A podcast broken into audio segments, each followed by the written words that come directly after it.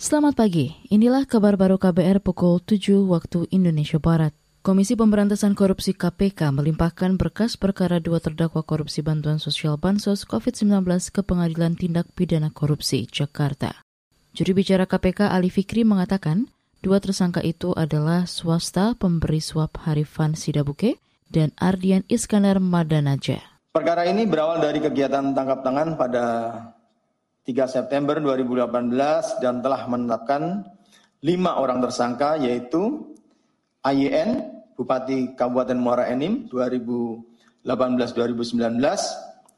EMM, Kepala Bidang Pembangunan dan PPK di Dinas PUPR Kabupaten Muara Enim, RF, swasta, AB, Ketua DRD Kabupaten Muara Enim.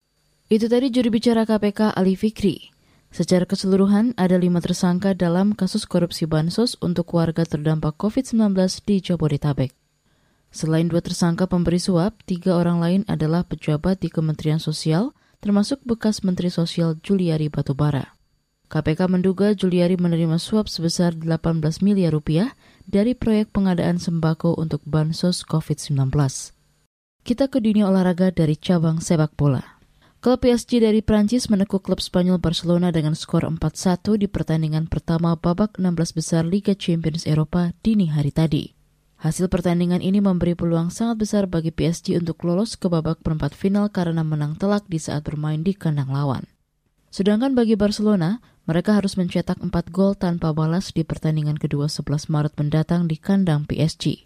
Pada pertandingan lain, Liverpool juga berpeluang maju ke perempat final setelah menundukkan klub wakil Jerman Leipzig dengan skor 2-0. Dengan keunggulan agregat gol itu, Liverpool cukup menahan imbang 0-0 pada pertandingan berikutnya Maret mendatang. Jadwal Liga Champions Eropa selanjutnya adalah Juventus melawan Porto dan Dortmund melawan Sevilla pada Kamis dini hari besok. Demikian kabar baru KBR, saya Naomi Liandra.